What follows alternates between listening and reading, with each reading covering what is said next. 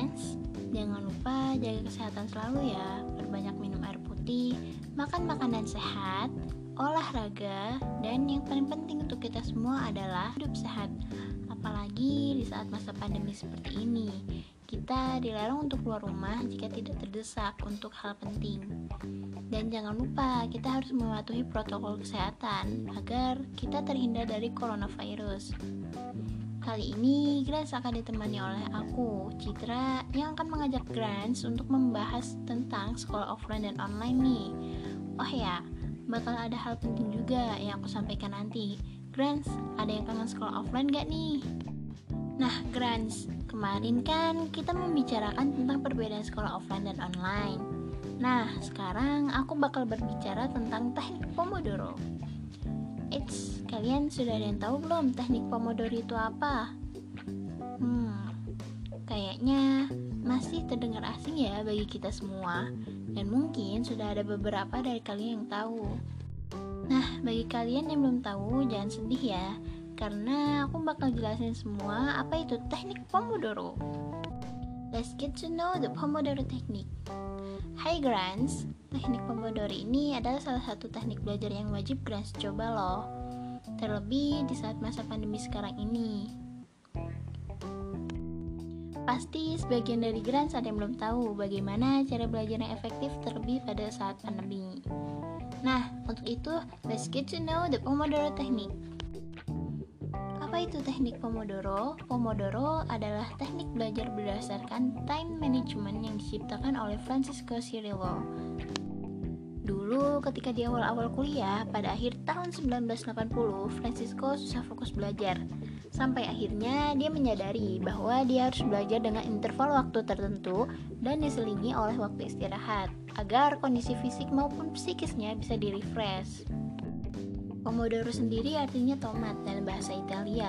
Namun, ini dipilih karena pada saat mengembangkan teknik ini, Francisco menggunakan timer dapurnya. Dan timer ini kebetulan berbentuk tomat merah. Cara kerja teknik Pomodoro Cara kerja teknik ini cukup mudah. Grants hanya tinggal atur timer selama 25 menit dan gunakan waktu tersebut untuk belajar. Namun, ketika timer berbunyi, gunakan waktu 5 menit untuk istirahat agar pikiran Grants jauh lebih tenang dan rileks. Jika 5 menit sudah berlalu, set timer 25 menit kembali dan mulai belajar lagi. Kenapa harus coba teknik Pomodoro? Karena menurut riset, 52% pekerja merasa terdistraksi dengan ponsel mereka saat bekerja. Selain itu, Grant hidup di zaman di mana fokus adalah sesuatu yang begitu mahal. Penulis Robbins Harma mengatakan bahwa saat ini fokus jauh lebih berharga ketimbang kecerdasan. Seberapa efektif teknik Pomodoro? Mungkin sekarang di benak Grant terlintas pertanyaan, seberapa efektif sih teknik Pomodoro meningkatkan fokus dan produktivitas? Dalam situs resminya, Francisco Cirillo, penemu teknik Pomodoro, menyebutkan sudah lebih dari 2 juta orang yang telah menggunakan Pomodoro dan berhasil meningkatkan kualitas hidup mereka dalam berbagai hal. Manfaat teknik Pomodoro meningkatkan fokus dan konsentrasi, mengurangi kesalahan dalam bekerja, mengurangi meeting-meeting yang tidak produktif, belajar menyederhanakan dan mengorganisir tugas dengan baik, mengubah waktu menjadi teman, menyelesaikan deadline pekerjaan tanpa merasa tekanan yang berat. Oke okay, Grants, untuk kali ini kita sampai sini saja ya. Dan jangan lupa untuk selalu mematuhi protokol kesehatan. Dan sampai jumpa di podcast berikutnya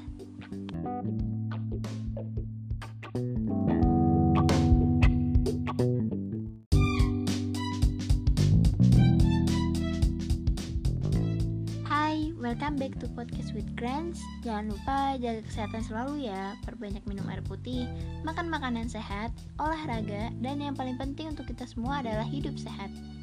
Apalagi di saat masa pandemi seperti ini, kita dilarang keluar rumah jika tidak terdesak untuk hal penting. Dan jangan lupa kita harus mematuhi protokol kesehatan agar kita terhindar dari coronavirus.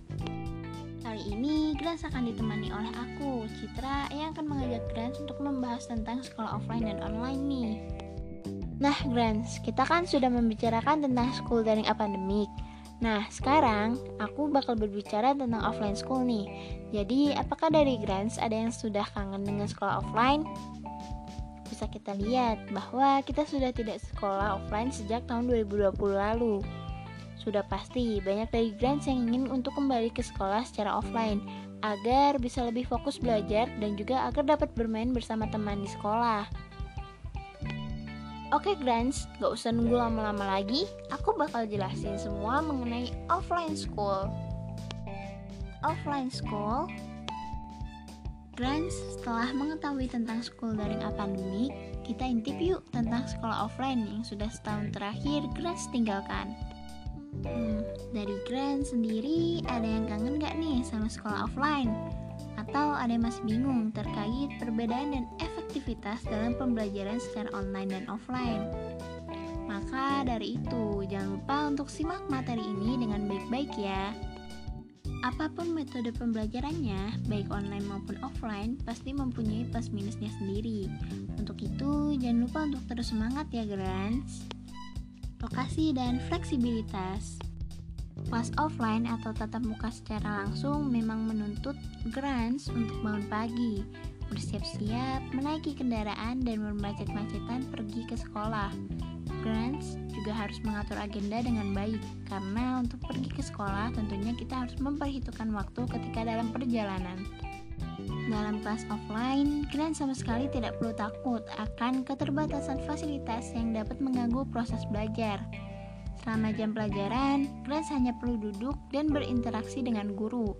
Selain itu, belajar secara offline dapat membuat Grants lebih fokus pada saat belajar karena tidak ada hal lain yang akan menjadi distraksi. Kelancaran saat proses belajar. Dalam sekolah offline, guru dapat dengan mudah mengawasi semua murid dan memastikan bahwa setiap orang memperhatikan pelajaran dengan baik.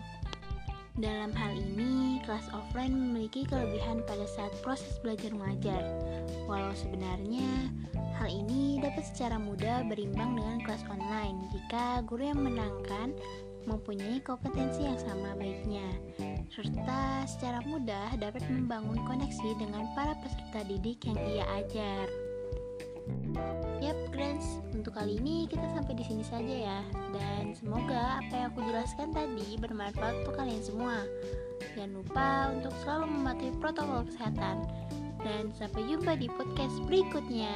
See you.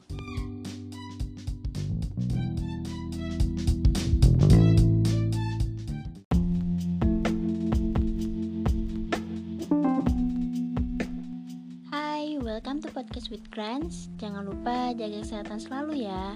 Perbanyak minum air putih, makan makanan sehat, olahraga, dan yang paling penting untuk kita semua adalah hidup sehat. Apalagi di saat masa pandemi seperti ini. Kita dilarang untuk keluar rumah jika tidak terdesak untuk hal yang penting. Dan jangan lupa kita harus mematuhi protokol kesehatan agar kita terhindar dari coronavirus. Kali ini Grants akan ditemani oleh aku, Citra, yang akan mengajak Grants untuk membahas tentang sekolah offline dan online. Oh iya, bakal ada hal penting juga yang aku sampaikan nanti. Grants, ada yang kangen sekolah offline gak nih? School daring a pandemi. Grants, selama masa pandemi, sistem pendidikan di berbagai wilayah Indonesia mengalami perubahan nih. Pembelajaran jarak jauh pun menjadi alternatif agar kegiatan belajar mengajar tetap terlaksana meski tidak sepenuhnya efektif seperti pembelajaran offline. Pembelajaran jarak jauh pun menjadi alternatif agar kegiatan belajar mengajar tetap terlaksana meski tidak sepenuhnya efektif seperti pembelajaran offline. Nah, untuk itu, tahukah Grants mengenai perbedaan sekolah online dan offline? Perbedaan yang dimaksud bukan hanya lokasi belajar mengajarnya saja ya, tetapi masih banyak lagi perbedaan yang Grants wajib tahu.